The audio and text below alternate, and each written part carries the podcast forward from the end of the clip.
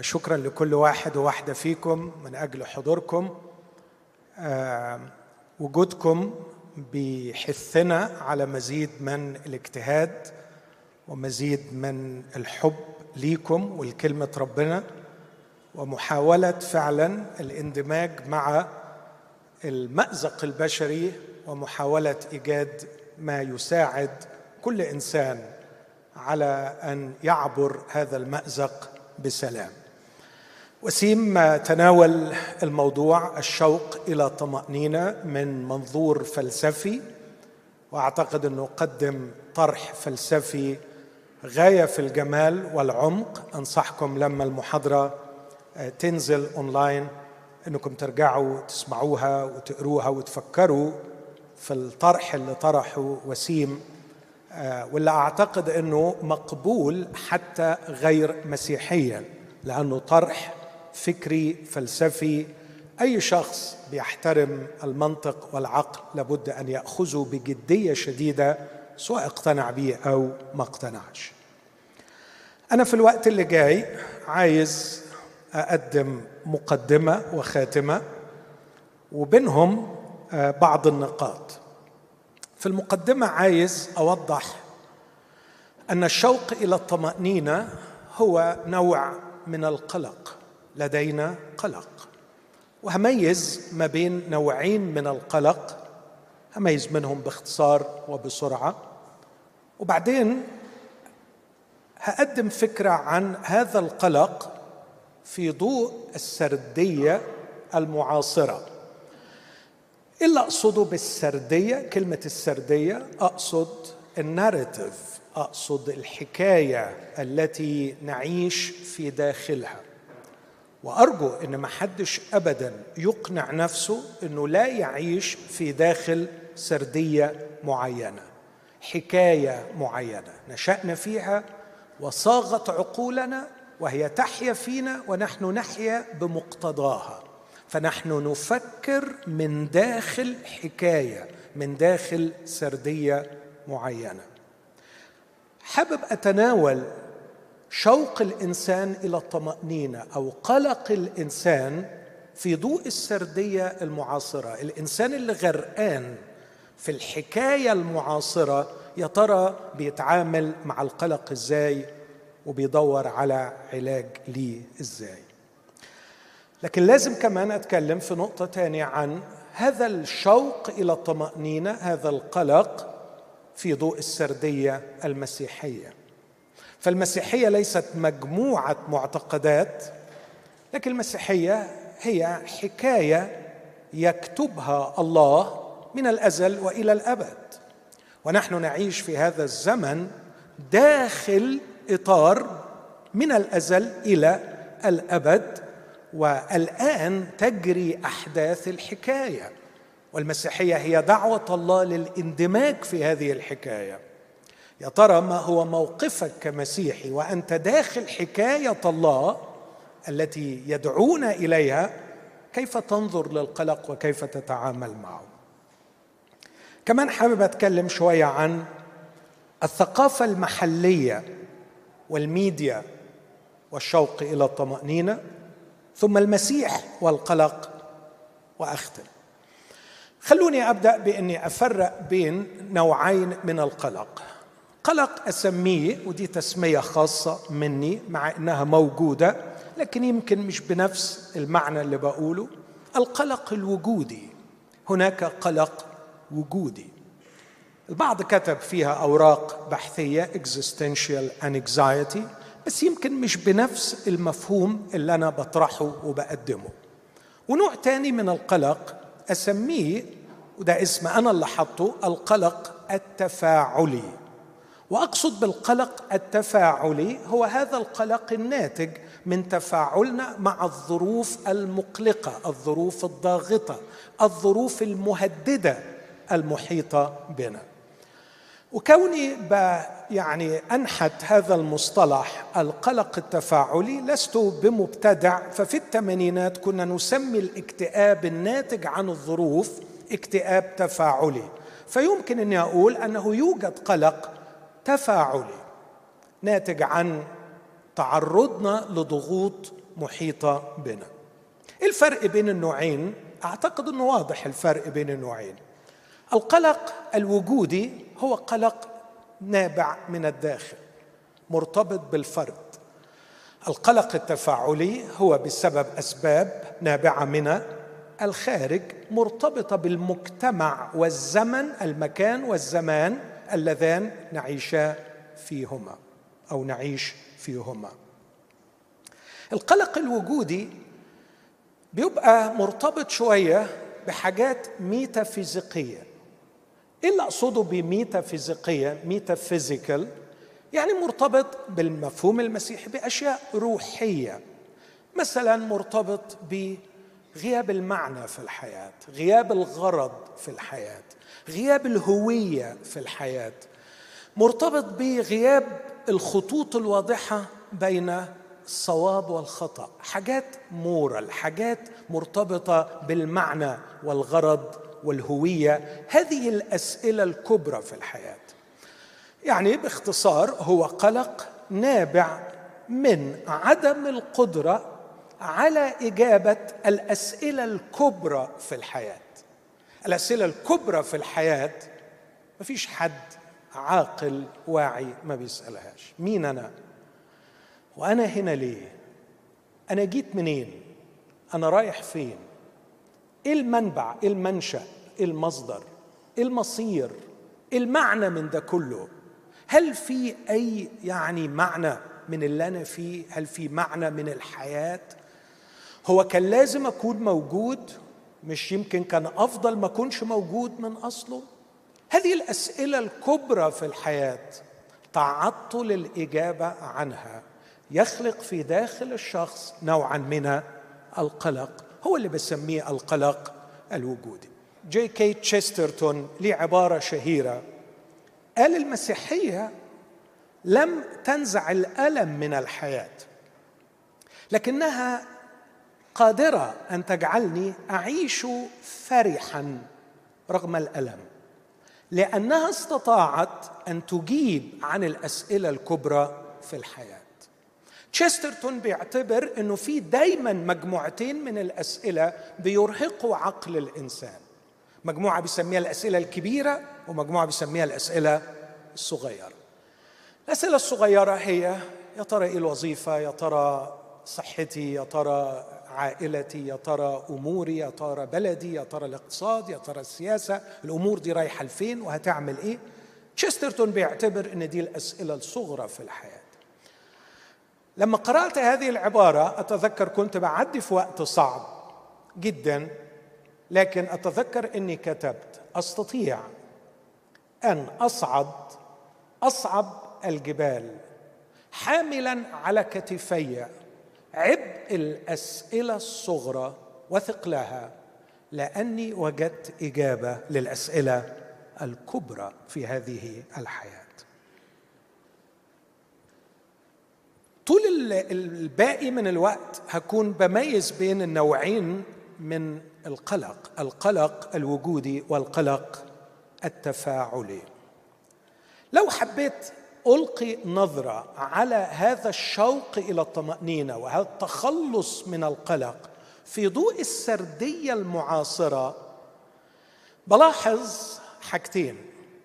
بلاحظ إن السردية المعاصرة الحكاية المعاصرة متأثرة بعمق بالفلسفة المادية الإلحادية. وهذه الفلسفة سخفت من الميتافيزيكس. سخفت من كل ما هو ما وراء الطبيعة. سخفت من كل ما هو روحي واحترمت فقط ما هو مادي.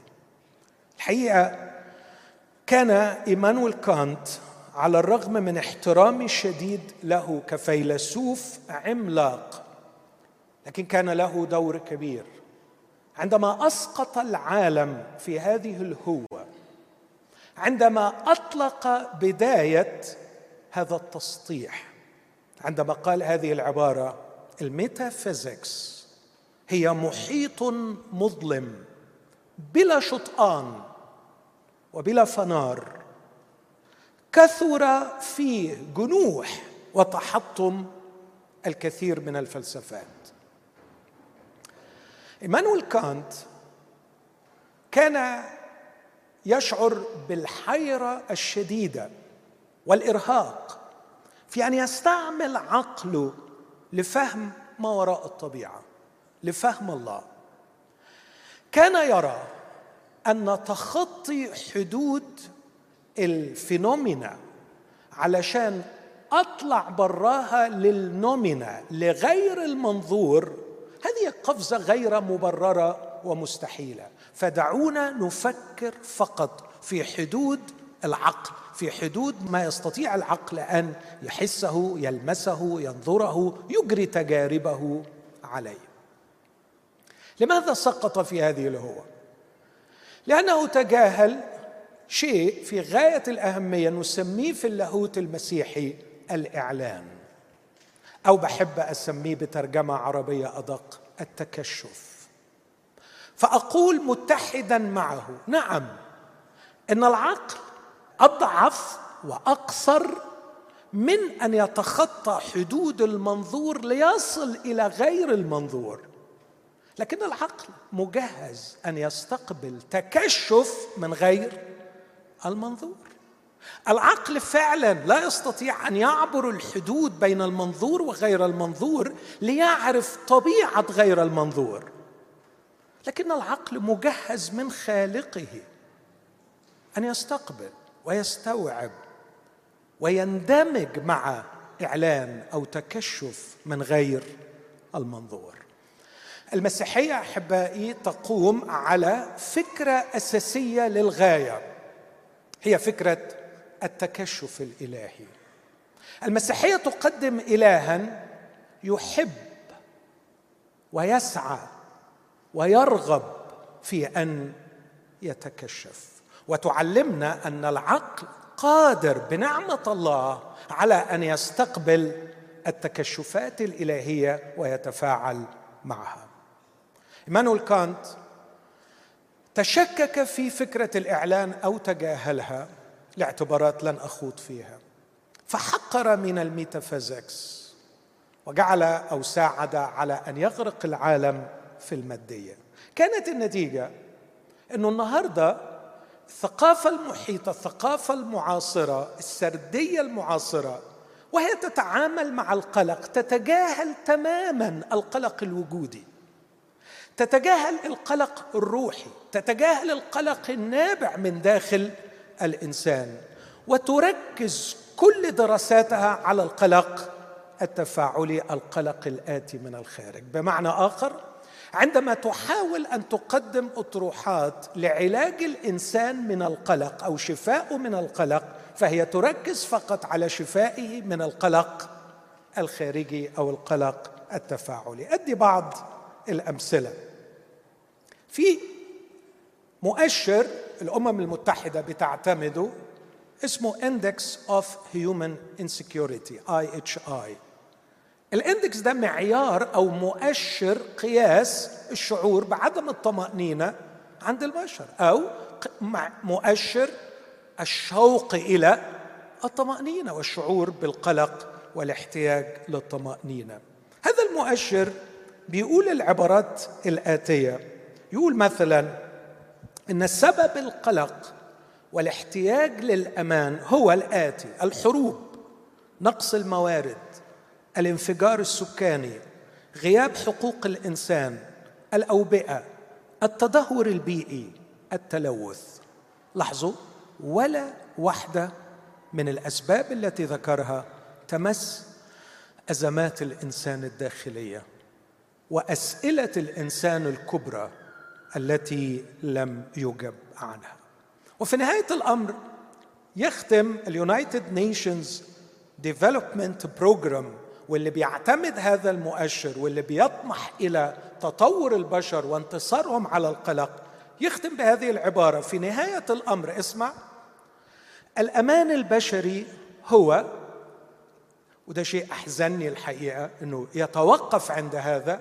الأمان البشري هو طفل لا يموت مرض لا ينتشر وظيفة لا تفقد توتر عرقي لا ينفجر رأي مختلف لا يسكت. هو ليس التركيز على الحد من الأسلحة بل الاهتمام بحياة الإنسان وكرامته. ولو حبيت أعلق أقول إنه في نهاية المقال أو في نهاية التقرير وفي آخر كلمة بحياة الإنسان وكرامته وهنا أتوقف لأتساءل. حطوا الكرامة الإنسانية آخر كلمة ولا يوجد لدينا أي دوكيومنت يشرح لنا ما هي الكرامة الإنسانية. يعني إيه الكرامة الإنسانية؟ واعتقادي أحبائي أن الإنسان لكي يحقق كرامته الإنسانية لابد أن تجاب أسئلته الكبرى زي ما هوضح بعد شوية. حاولت أجمع أيضا أسباب عدم الاطمئنان أو أسباب القلق في الوقت المعاصر من خلال الرسائل العلمية المقدمة فلقيتها تدور حوالين 12 موضوع. الموضوع الأول الأوبئة. الأزمة الاقتصادية وأزمة الديون وأزمة التضخم وانخفاض العملة. الإرهاب والكرتلات في المكسيك وفي صقلية. اللاجئون الهجرة الأسوار الحدود. خمسة الفساد سقوط المؤسسات التسريبات زي بتاعة ويكيليكس وغيره. فضائح النخب. ستة صراعات غير مفهومة وحروب قذرة. الحروب الثقافية. الحروب الثقافية صراع مؤلم ومش عايز يعني أقول قد إيه أوروبا بتعاني منه. الاستقطاب السياسي الحاد زي اللي حاصل في أمريكا حاليا. العزلة. القاتلة في عالم الاتصالات. المناخ والبيئة والجفاف ونقص المياه ومشكلة السدود. اضطرابات الهوية الجنسية وزحفها نحونا هنا في الشرق ثم ارتفاع نسبة الطلاق وانهيار العائلة. دي الدراسات اللي بتتعمل وهي تناقش قضية القلق وشوق الإنسان إلى الاطمئنان. لكني لم أجد دراسات عميقة حقيقية تحاول فعلا أن تتناول أزمات الإنسان الداخلية. ولهذا أقول أن السردية المعاصرة لا يمكنها تقديم ما يشبع شوق الإنسان إلى الطمأنينة لأنها اختزلت قلقه إلى مجرد قلق من أسباب مادية وتجاهلت الأشياء العميقة والأسباب الحقيقية في داخل الإنسان. كنت طرحت من فترة في لقاء في أستراليا هذا السؤال يا ترى هذا العالم المضطرب الذي نعيش فيه هو الذي أوجد إنسانا مضطربا؟ أم أن الإنسان المضطرب هو الذي خلق هذا العالم المضطرب؟ والطرح اللي بطرحه إن هذا الاضطراب هو بسبب الإنسان.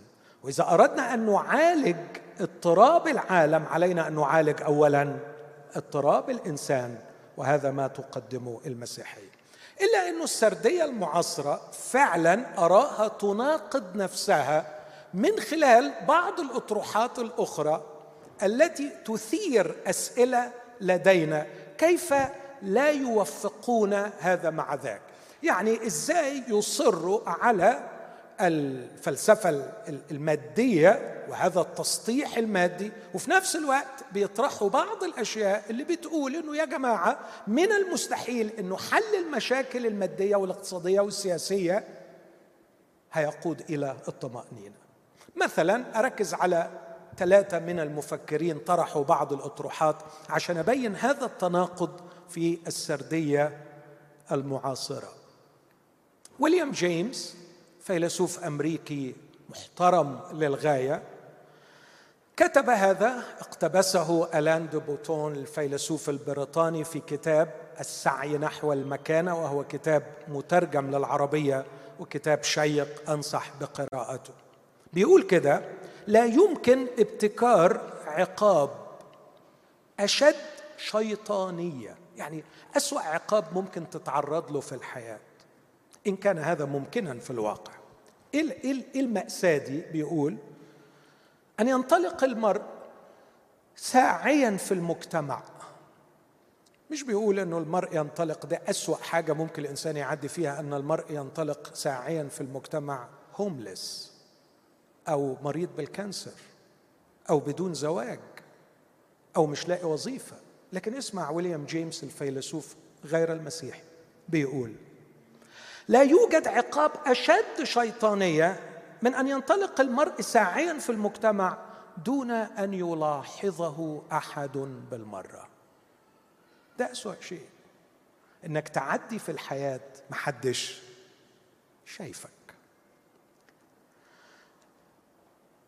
إن لم يلتفت أحد إلينا عندما ندخل مكانا إن لم يسمعنا أحد عندما نتكلم إن لم يعبا أحد بما نفعل. إذا تجاهلنا الناس كأننا موتى وتصرف من حولنا كأن لا وجود لنا. يتصاعد داخلنا نوع من الحنق والعجز واليأس يتضاءل أمامه أقصى تعذيب بدني بل ويعتبر بالمقارنة به راحة. ويليام جيمس هنا بيقول يا جماعة ما يعذب البشر. ليست الظروف الخارجية لكن سعي الإنسان نحو القيمة والمكانة أن يكون له وجود ووجود مؤثر وأن يشعر بقيمته في هذه الحياة. هذا هو قلق الإنسان الحقيقي سعي نحو المكانة وليس مجرد إلى وظيفة وظروف اقتصادية وسياسية مريحة. لكن ديفيد فوستر والاس هذا الكاتب والمفكر والأديب الأمريكي الذي انتحر قبل انتحاره بفترة وجيزة قدم خطاب في حفل تخرج دفعة من إحدى الجامعات وكان الحقيقة الحديث بتاعه عبقري وكثير من الناس حللت ودرست ورأت في هذا الخطاب بعض أسباب انتحاره. كتب فيه كلام في غاية الأهمية وهو يشرح القلق البشري أزمة البشر. وأتعجب أن ديفيد فوستر والاس لم يشر إطلاقا في طرحه إلى المعاناة السياسية أو الاقتصادية. لكنه ركز على مشكلة أتعجب إنها لا تلفت النظر سماها مشكلة مركزية الذات. أن الإنسان متمركز حول ذاته. اسمع مثلا يقول خذ مثالا على الخطأ الجسيم الذي أرتكبه. شيء أعتقد به أؤمن به لا شعوريا. أن كل شيء في تجربتي الآنية اللي في اللحظة دي يدعم معتقدي العميق. أنني أنا الوحيد مركز الكون. أنا الواقعي وحدي. والأكثر صدقا وأهمية في الوجود. من النادر أن نتحدث عن هذا النوع من الشعور الطبيعي بمركزية الذات. لماذا؟ لأنه أمر منفر اجتماعيا. ولكننا نتشاركه سويا في أعماقنا. يستعمل تعبير لذيذ عن بنستعمله عن التليفونات. إنه our default setting. إحنا نازلين ال default setting بتاعنا اننا ندور حول انفسنا. من وجهه ديفيد فوستر والاس ده اللي يحتاج إلى علاج. ما يقود الإنسان إلى تحقيق الأمان هو الشفاء من مركزية الذات. أكيد أكيد أكيد. إن علاج أسباب القلق والاضطراب المادية السياسية الاقتصادية أمور مهمة لكنها عبث وبلا قيمة دون شفاء الإنسان نفسه. وإذا كان ويليام جيمس بيقول إن الإنسان يحتاج إلى شفاء من اللا قيمة واللا معنى ويحتاج إلى الشعور بالوجود والمكانة والتأثير والحضور. ديفيد فوستر والاس بيقول إنه يحتاج إلى الشفاء من مركزية الذات. إننا نتشاركه سويا في أعماقنا. إنه وضعنا التلقائي متصل فينا منذ الولادة. ويستكمل ويقول فكر فيها بالطريقة التالية. ليس هناك سلوك تقوم به لا تكون أنت محوره العالم كما تدركه العالم اللي حوالينا بندركه إزاي؟ اسمع رؤيته هو أمامك أو خلفك هو على يسارك أو على يمينك. فأنت لما بتوصف الواقع بتوصفه منطلقا من مركز هو أنت. فدي قدامي ودي ورايا ودي على يميني ودي على شمالي ودي قبلي ودي بعدي ودي بتنفعني ودي بتضرني. أنا المركز. أقيس أقيس كل شيء منطلقا مني ورجوعا إلي. لا يوجد شيء تقوم به لست أنت محوره العالم كما تدركه كما ذكرت. ايا كان على أفكار الآخرين ومشاعرهم. أن تكون متعلقة بك بشكل ما. أفكار الناس ومشاعرهم لو مش متعلقة بك بشكل ما ما تلزمكش. ملهاش أهمية. أنا أستفيد إيه؟ لأنه أنا المركز. لا توجد إلا أفكارك ومشاعرك. هي الصريحة هي الحقيقية هي الملحة. يتكلم للشباب اللي هيتخرجوا بيقول لهم لست هنا أتحدث عن الفضيلة وإنما عن السعي لإيجاد طريقة ما للتغيير أو الحرية من طبع الوضع التلقائي الذي هو مركزية الذات والذي ولدنا به.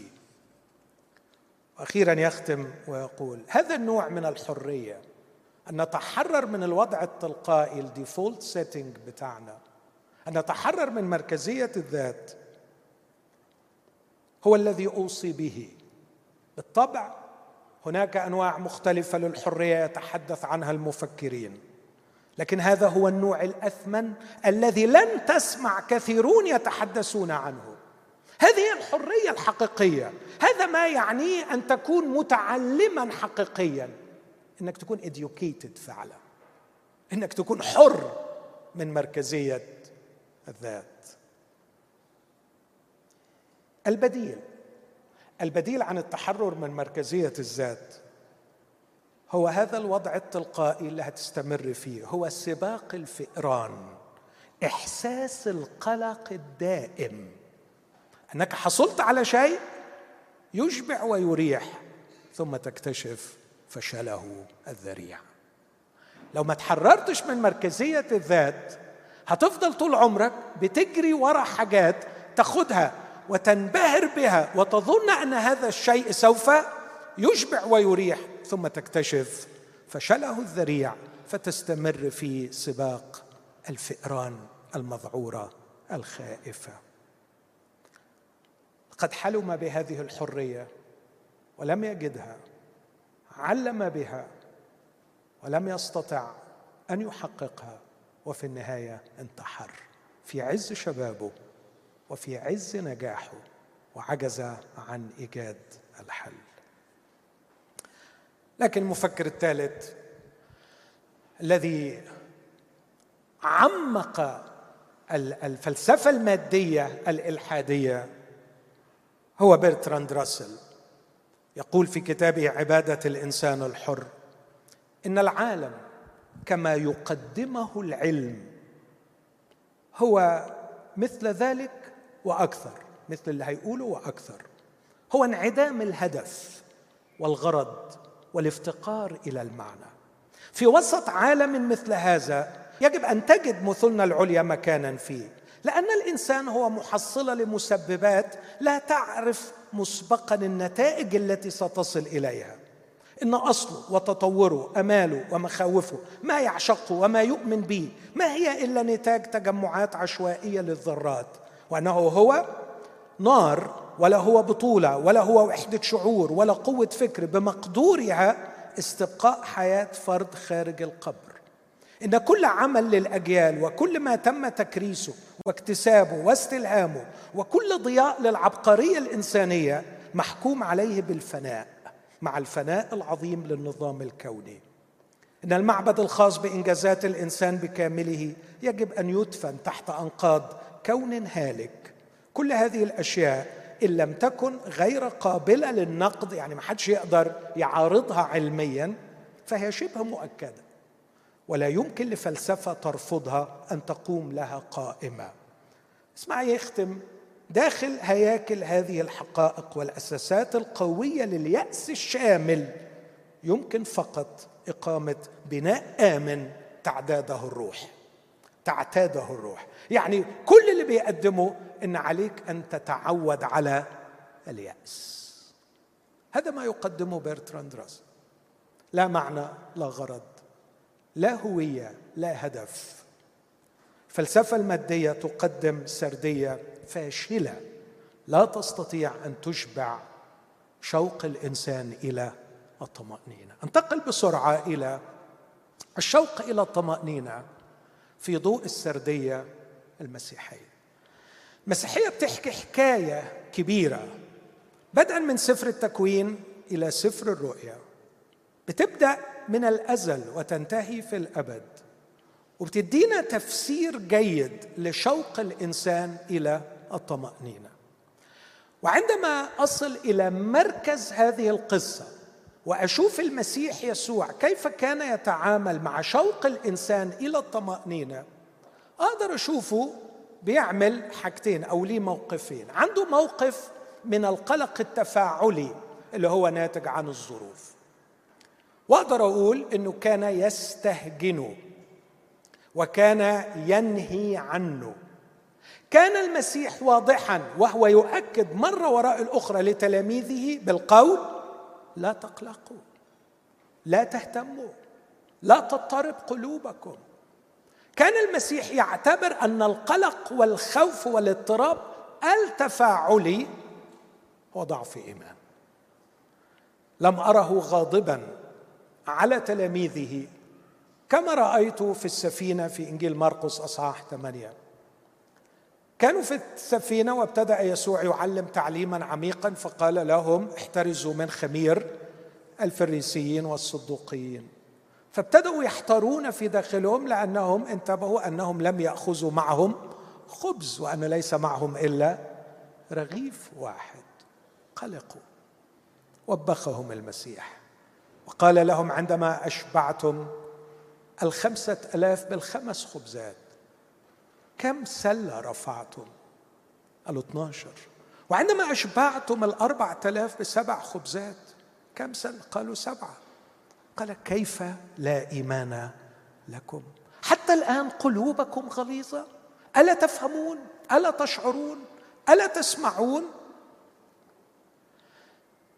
كان المسيح يعلم كثيرا أنه على تلاميذه أن لا يخافوا بطش الناس أن لا يخافوا السيف لا يخافوا الاضطهاد أن لا يخافوا حتى انقلاب الأمم.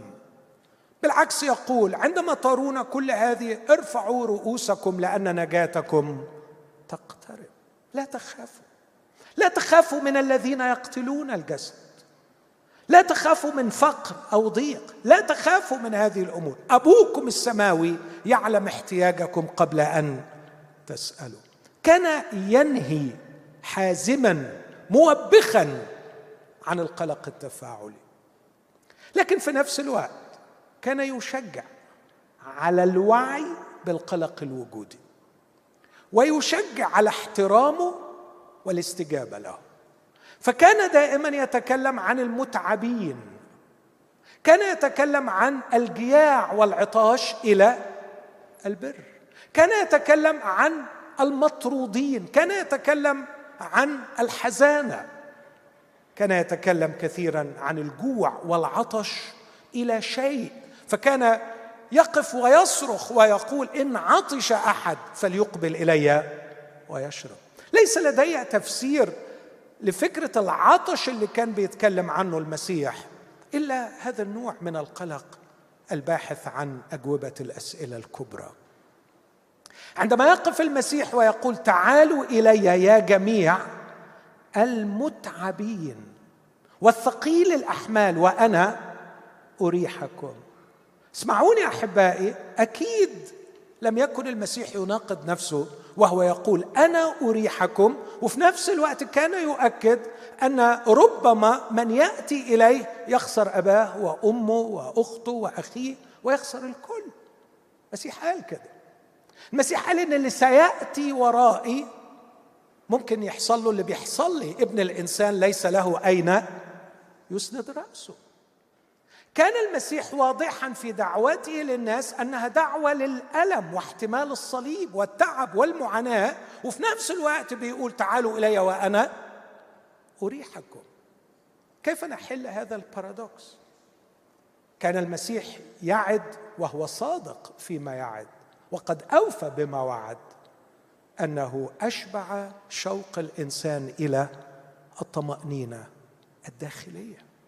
بأنه اعطاه فعلا أجوبة حاسمة عملية واقعية للأسئلة الكبرى في الحياة. زي ما هوضح بعد شوية. إجابة هذه الأسئلة الداخلية وعلاج القلق الوجودي يمكنني ويمدني بطاقة عظيمة لمواجهة القلق التفاعلي، يجعلني أجيد التعامل مع تغيرات الظروف من حولي. لكن مهما تحسنت الظروف من حولي وأنا أعاني من قلق وجودي داخلي. أعيش في قصر معذبا بينما كان بولس يعيش في سجن فرحا أعيش على قمة العالم عقيم وغير مثمر وأعيش تحت الأرض نافعا ومثمرا في كل عمل صالح. هذا هو الشوق الحقيقي الذي يسعى الإنسان به إلى حالة معينة تعطيه هذه الطمأنينة. إنه منتج إنه ليه معنى أن وجوده مؤثر. وليس مجرد إنه غير معرض لمرض أو لألم أو لفقر. السردية المسيحية تقدم طرحا مختلف تماما.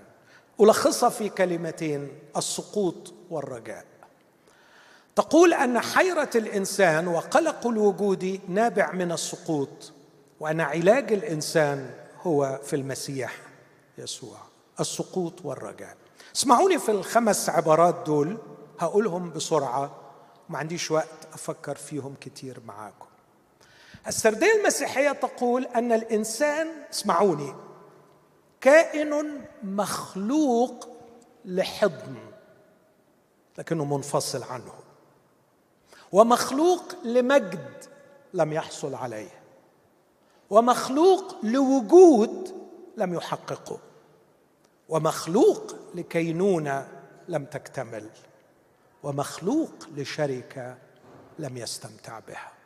هقول الخمس حاجات دول تاني وفكر فيهم.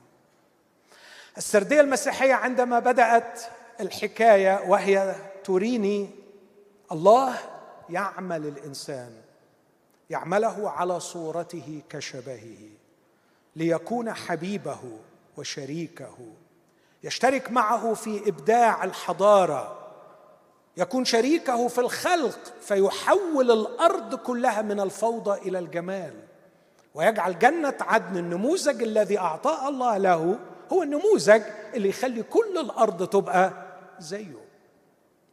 الله خلق الإنسان وقال في مرسوم خلقه أنه سيكون على صورة الله كشبهه ايقونته الحية الحاملة لحضوره والفاعلة لمشيئته في الأرض. داود يتأمل هذه الأعداد ويقول من هو الإنسان حتى تذكره وابن آدم حتى تفتقده بمجد وكرامة؟ كللته. أقمته على جميع أعمال يديك. أخضعت كل شيء تحت قدميه. خلق ليكون رويال بينج ليكون كائن ملكي ليكون كاهن في شركة مع الله في هيكله الذي هو كل الأرض. ليكون مستمتع بحضور الله كأحب صديق ورفيق وشريك كأب له. كان الله يتماشى مع آدم في الجنة في حوار بديع. هذا هو مرسوم الخلق ليتسلط على كل شيء. لكن حدث السقوط. حدث السقوط وخرج الإنسان من حضرة الله. والكتاب أحبائي كان بديعا في اللغة الرمزية التي يستعملها ليصور أوضاع صحيح في أبعاد تاريخية لكن لها أبعاد رمزية تشرح الكثير من المأزق البشري. اسمع العبارة دي في سفر التكوين أصحاح أربعة. خرج قايين من لدن الرب وسكن في أرض نود أرض التيهان بقي والإنسان إلى اليوم أقدر أقول مسكين كائن هوملس لأنه الهوم الحقيقي بتاعه مش العنوان اللي أنت ساكن فيه مش الباسبور اللي معاك ونوعه. الهوم بتاع الإنسان هو الله نفسه. هو الله نفسه. عشان كده بقول إنه مخلوق لحضن انفصل عنه ومخلوق لمجد لم يحصل عليه ومخلوق لوجود وتأثير وفاعلية أن يجعل الأرض كلها جنة عدن لوجود لم يحققه. مخلوق لكينونة تكتمل من الداخل ليصير شريكا للطبيعة الإلهية لحالة إنجاز لي أقول كما يقول القديس اثناسوس حالة من التأله. أو إنه يشترك مع الله في طبيعته. مخلوق لكينونة لم تتحقق. مخلوق لشركة لم يستمتع بها. ربما المسيح بعبقرية في قصة الابن الضال وهو يشرح عودة الابن الضال لخص الخمس حاجات دول. أول لقاء عند خارج البيت خارج البيت كان عودته إلى الحضن. وقع على عنقه وقبله.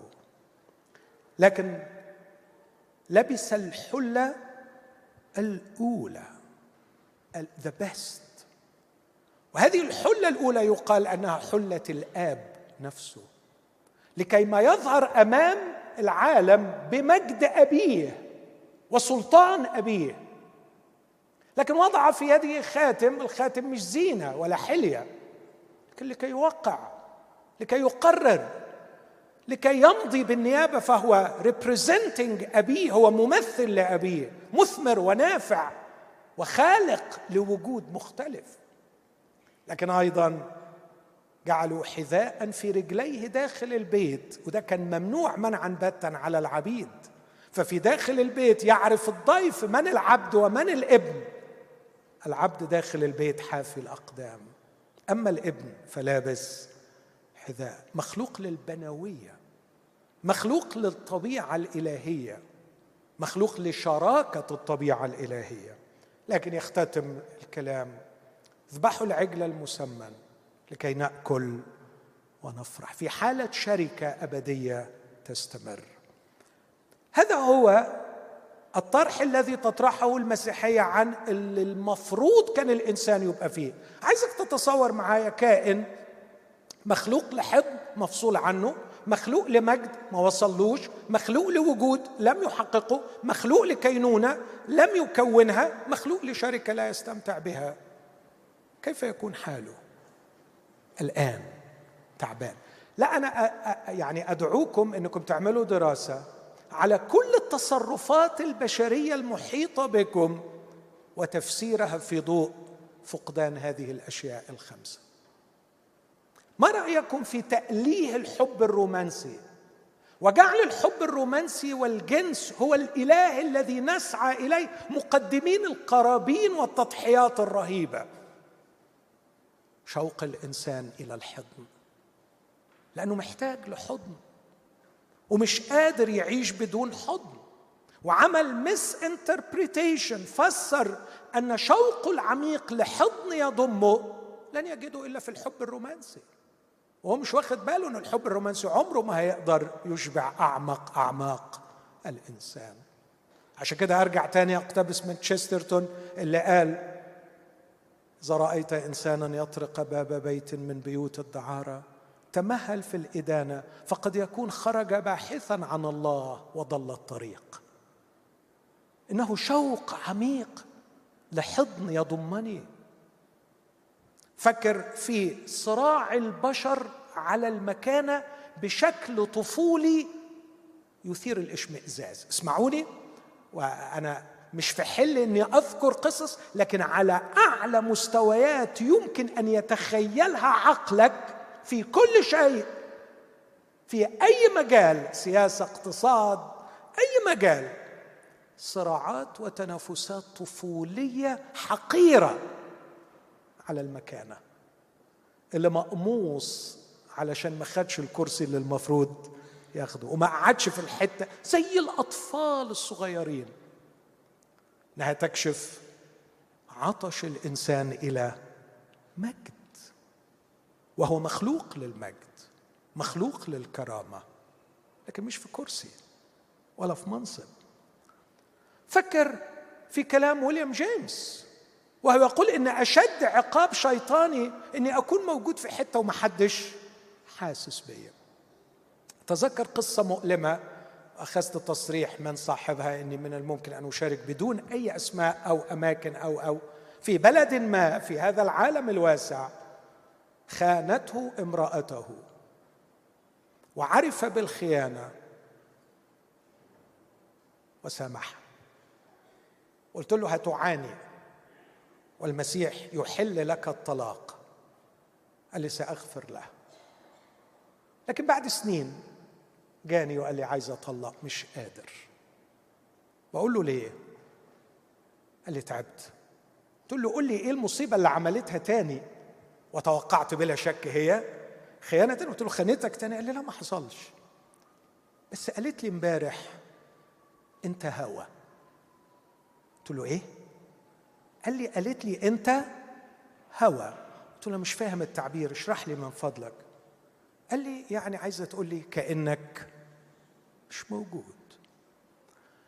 على قد ما أقدر حاولت أساعده لكن بعد ما مشي لم أضبط دمعة فرت من عيني وأنا أفكر في هذه الحقيقة. استطاع أن يتحمل طعنة الخيانة لكن لم يستطع أن يتحمل أن يكون بلا وجود. ملوش معنى ملهوش تأثير. انت هوى ما قدرش يتحمل كأنك مش موجود. لا أنا عايز أبقى موجود. نفسي أبقى موجود. فكروا في صراعات كثيرة على الفيسبوك. فكروا في تبني آراء غريبة وعجيبة تصل إلى حد الهرطقات. فكروا في كم العنف. فكروا في كم التشريح والتجريح في الناس من الممكن أن تجد تفسير إنه مجرد عايز يكون موجود. عطش الإنسان إلى وجود هو مخلوق من أجله لكنه لم يحققه. مخلوق لكينونة لم يكونها. كثير بحكي حكاية ارسطوفانس في حواره مع سقراط لما كانوا بيناقشوا قضية الحب وكان طرح ارسطوفانس غريب وعجيب. إن شوق الإنسان للاكتمال من خلال الحب. فتفسيره إيه؟ إنه البشر زمان من ميثولوجيا كان mythology أو myth كانت موجودة. إنه البشر خلقوا أسطوانيين بأربع إيدين وأربع رجلين وأربع عيون وأربع ودان. لكن كانوا أقوياء جدا بسبب نوع الجسم ده. فالآلهة غضبت عليهم وشطرتهم كل واحد نصين.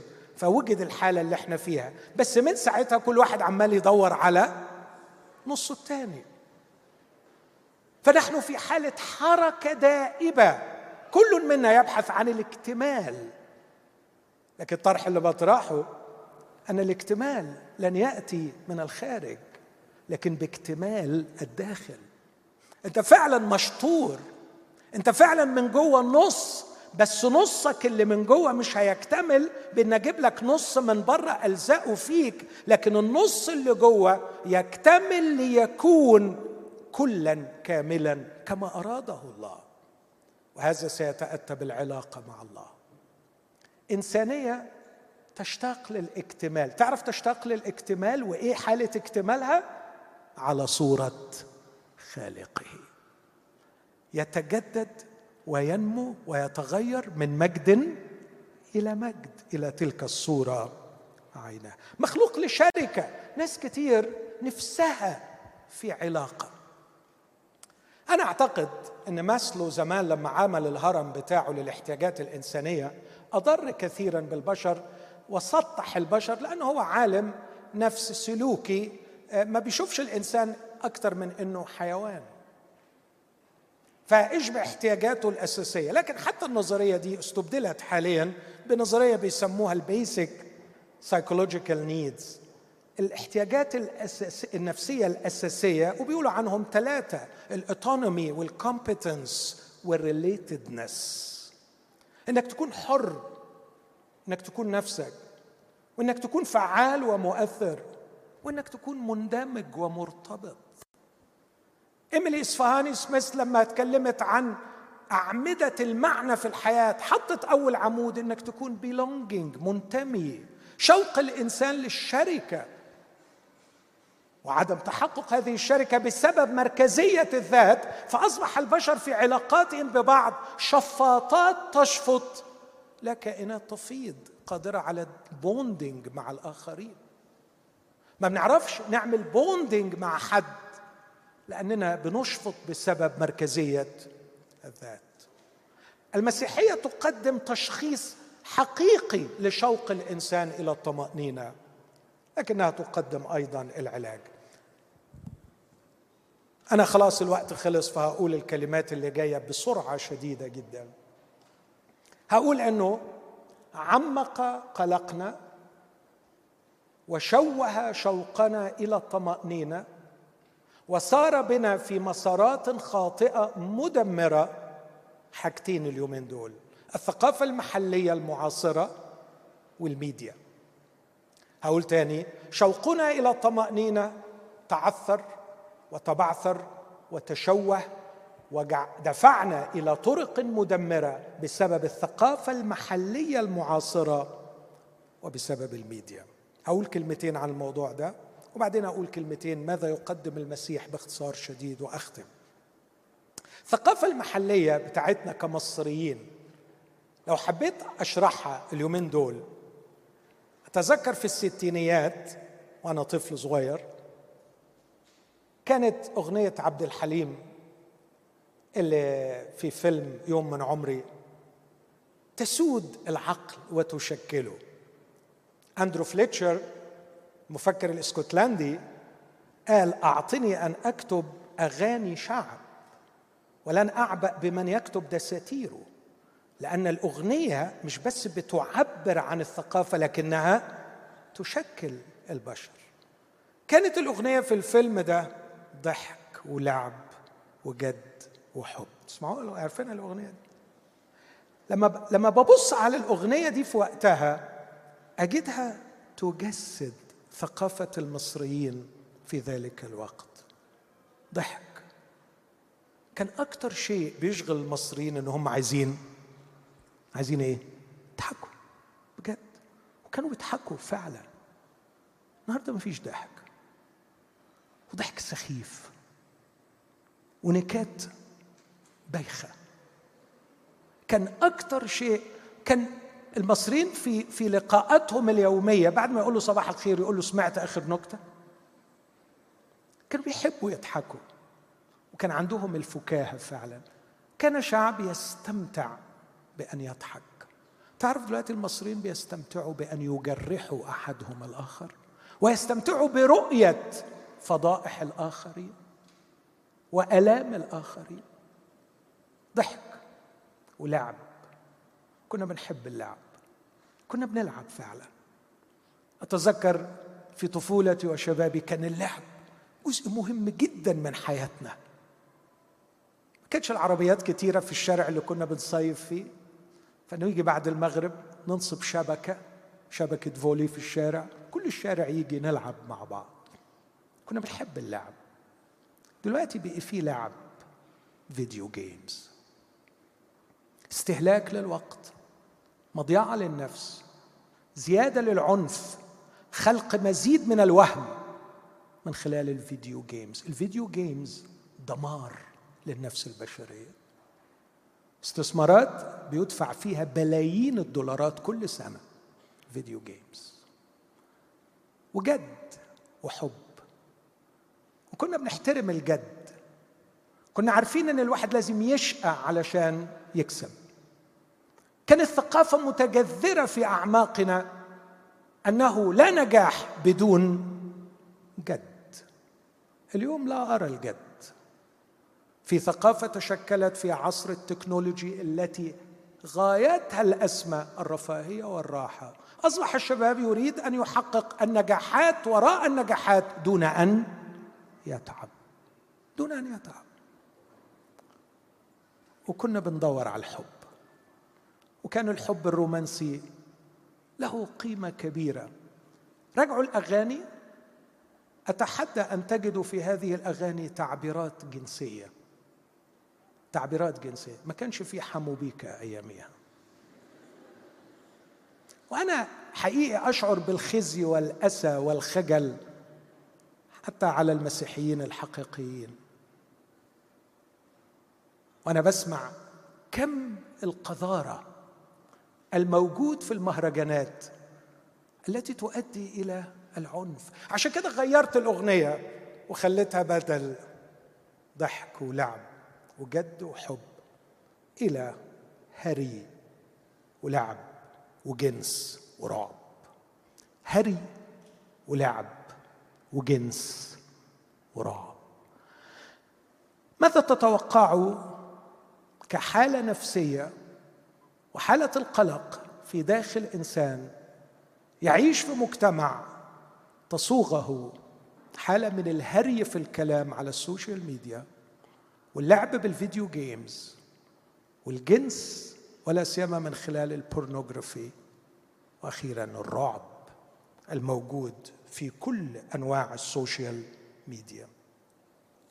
عايز آه، أقرأ لكم حاجة بيقولها واحد مفكر ومنظر لآثار الميديا وهو غير مسيحي. بيعتبر في تعبير كده ترجمته الصدمة الصارخة. صدمة تصرخ. هي الاستراتيجية الوحيدة المضمونة لكسب المشاهدين الآن. هذا ما يلحظه راشكوف الراجل ده اسمه راشكوف وهو من يشير إلى أن هذا التيار من الإعلام يخلق استجابة عاطفية بداخلنا تحقق الدورة المستمرة لأخبار الميديا نجاحا تجاريا من خلال من خلال إعطاء صوت لغضبنا الحاضر. يعني هو عايز يستثير فيك الغضب من خلال الصدمة. يسعى الصحفيون الساخطون والمعتدون بآرائهم على إبقاء معدلات الكورتيزول عالية اللي هو هرمون التوتر بالقدر الكافي لنبقى دوما في حالة ملحة من fight or flight القتال أو الهروب. المشاهدون الذين يملون سريعا من التغطية الإخبارية والتحليل يتجهون إلى متابعة برامج فيها منافسة فيها هجوم. كلام كتير أكتفي به.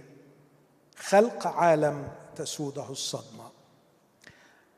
مفكر آخر يتأمل في حال الميديا كتب مقال رائع بعنوان انفصال في عالم الاتصال. في خلال مايكرو ثانية يمكننا أن نتصل بأصدقائنا وعائلاتنا وزملائنا حول العالم لكن المفارقة أن نفس الوسيلة التي تتيح لنا تواصل اجتماعي مذهل لديها أيضا القدرة على أن تعزلنا. تقدم تقنيات الإنترنت الناشئة شبكات اجتماعية واسعة ومع ذلك تصارع أو تعجز يعني أن تقدم العلاقات العميقة الضرورية للأمان والاطمئنان النفسي. ما يضيف إلى تلك الهشاشة هو تلاشي المفهوم التقليدي للأسرة. حتى الأسرة النهارده ما بتقعدش مع بعض.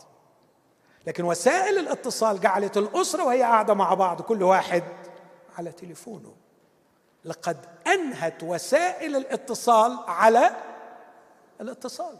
قضت وسائل الاتصال على الاتصال. والاتصال شيء جوهري جدا لتحقيق الأمان. وبالتالي هرب الأمان. ماذا يقدم المسيح يسوع؟ يقدم المسيح شيئين. يقدم خلاص. خلاص من السقوط. بيرجع لك الخمس حاجات اللي أشرت إليهم. كان نفسي يكون عندي وقت أكتر وأقول شيء عن روعة المسيح. الترانسندنت المتجاوز والإمننت المتداخل الذي دخل إلى بشريتنا بكل ما تعني بشريتنا. وحنا 11 وحنا 12 وحنا 13 ثلاث مرات يقول اضطرب يسوع. كم أشعر بالامتنان أن إلهنا المتجاوز والذي قدم الأدلة والبراهين على أنه ترانسندنت متجاوز. لكن رأيناه يدخل إلى عمق بلوتنا. ويشترك معنا in our vulnerability. اللي اتكلم عنها وسيم. يشترك معنا في قابليتنا للألم. علشان يقدر يقول لي أعرف أخذك بعيد عن المأزق. دخل إلى مأزقنا. ليرحل بنا بعيدا عنه. ليخلصنا منه. فيعيدنا إلى الحضن. ويعيد إلينا المجد. ويقودنا لاكتمال إنسانيتنا ويقودنا فعلا لتحقيق وجودنا الفاعل المؤثر. وفي النهاية يأخذنا إلى دائرة من الشركة الأبدية التي بدأت هنا وستستمر إلى أبد الأبدين والتي أشار إليها بعلامة المسيحية الكبرى مائدة. فنحن نجتمع حول مائدة. المسيح يسوع يقدم خلاصا من المأزق البشري الذي هو نبع كل قلق وتوتر في هذه الحياة بأنه يحط إيدك في إيده. اسمع العبارة دي من فضلك. تعالوا إلي يا جميع المتعبين والثقيل الأحمال وأنا أريحكم. لاحظوا أحبائي مش بيقول فتجدوا راحة لكن بيقول أنا أريحكم. إنه لا يدعوك إلى الارتباط بعقيدة أو الارتباط بمجموعة ممارسات لكن الارتباط به هو شخصيا. مرة تانية بأكد لكل من يسمعني المسيح لم يكن كاذبا ولم يكن واهما ولم يكن مجرد شخص يتكلم أي كلام غير عاقل. المسيح يعي ما يقول ويقول ما يعني. لقد وعد بأنه يريحك. يشفي قلقك ويشبع شوقك إلى الطمأنينة. بأن يقودك إلى الحضن to be home. في حضن أبيك أبوك السماوي. أول ما علمنا الصلاة قال صلوا أنتم هكذا أبانا الذي في السماوات. في أبي أجد مقري وسكناي يقودك إلى الحضن ويرجع إليك المجد ويحقق لك الوجود ويكمل إنسانيتك ويضعك على المائدة. في هذا الوضع فقط تستريح نفسك ويشبع شوقك إلى الطمأنينة. لكن اسمعني أيضا المسيح ليس فقط يقدم خلاص لكن المسيح realm of existence. المسيح دائرة وجود. المسيح ليس مجرد شخص عادي لكنه الخالق هو اللوجوس الخالق من العدم الذي دعا الأشياء غير الموجودة فصارت موجودة. يعني يدعو غير الموجود فيصير موجود. فهو الدائرة التي فيها ينتهي العدم ويتحقق الوجود. فالمسيح يدعوك إلى دائرة وجود توجد فيها. الله أوجد بالكلمة. المسيح هو نبع الوجود اللي لما توجد فيه توجد. عشان كده بولس يقول أنا خسرت كل الأشياء لكي أربح المسيح وأوجد فيه. إذا وجدت في المسيح اسمع هذه العبارات وأختم بيها مش هقدم نصايح المفروض أنتم تستخلصوا النصايح علشان الوقت. في إنجيل يوحنا وفي حديث المسيح الوداعي بدأه بالقول لا تضطرب قلوبكم كان يقر باضطرابنا. لا تضطرب قلوبكم. لكن أيضا يختم هذا الأصحاح في عدد 27 سلاما أترك لكم سلامي أعطيكم. ليس كما يعطي العالم. العالم كبير ويحاول يعالج القلق التفاعلي. لا تضطرب قلوبكم ولا ترهب. لكن يختم بعبارات غاية في الجمال. يقول قد كلمتكم بهذا ليكون لكم في سلام. في العالم سيكون لكم ضيق لكن ثقوا. أنا قد غلبت العالم. لاحظ العبارة دي ثلاث أجزاء. كلمتكم بهذا تعالوا إلي وارتبطوا بي وثقوا بي لكي توجدوا فيا. وعندما توجدوا فيا يكون لكم سلام. فتتحقق السلام وأنت في المسيح. هذا لا يعني أن العالم سيخلو من الضيق. في العالم سيكون لكم ضيق. فأنت بتبقى عايش في دايرتين في نفس الوقت. عايش في دايرة وجود اللي هو المسيح مستمتع بالسلام وتقدر بالسلام ده تعيش في عالم مليان بالضيق. ده اللي كان وسيم بيحاول يقوله إنه ممكن يكون في نوع حياة تتغذى على الضيق. ممكن يكون في نوع حياة يستفيد من الضيق. ممكن يكون العالم مكان آمن لينا ويحقق لنا أقصى أمانينا. بأن نكتمل انسانيا؟ ده اللي بيقدمه المسيح. بيقول كلمتكم بهذا ليكون لكم مش في العالم سلام. لا فيا سلام. في العالم سيكون لكم ضيق. ثم يختم بالعبارة الرائعة. فيا سلام في العالم ضيق بس الغلبة لمين؟ ثقوا. أنا قد غلبت العالم. ولاحظوا مش بيقول هخليكم تغلبوا العالم. نو no. أنا غلبت العالم فعلى قدر التحامكم بي على قدر تذوقكم للسلام الذي فيا وعلى قدر انتصاركم واستفادتكم من الضيق الذي في العالم. أتمنى أن هذه الكلمات تجعلنا نغير مفهومنا للطمأنينة والأمان والسلام. تجعلنا نعي أن الدمار الحقيقي ليس ما يصيبك بل ما يخرج منك. يساعدك أن تستقبل المسيح في حياتك وتدعه يقودك لتكون إنسانا وتكون نفسك. هذا العالم ليس أفضل مكان للراحة لكنه ربما أفضل مكان لاستعادة الإنسان. تذكر محدودياتك في معرفة ما هو خيرك وفي معرفة طرق الله وثق في المسيح وسلم له بإيمان. قلل من استعمالك للميديا لتقلل من تعرضك للأكاذيب للوهم وتعرضك لمزيد من القلق. تغذى على كلمة الله داوم على الصلاة والشركة مع المؤمنين. اسمع كلام سليمان يا ابني ليضبط قلبك كلامي. احفظ وصاياي فتحيا. لا تنسى ولا تعرض عن كلمات فمي.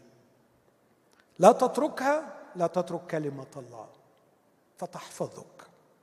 أحببها فتصونك. ارفعها فتعليك.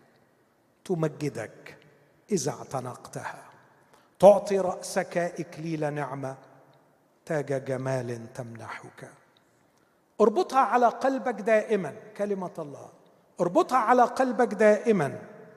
قلد بها عنقك. فإذا ذهبت تهديك وإذا نمت تحرسك وإذا استيقظت فهي تحدثك لأن الوصية مصباح والشريعة نور وتوبيخات الأدب طريق الحياة. آمين. شكرا لكم.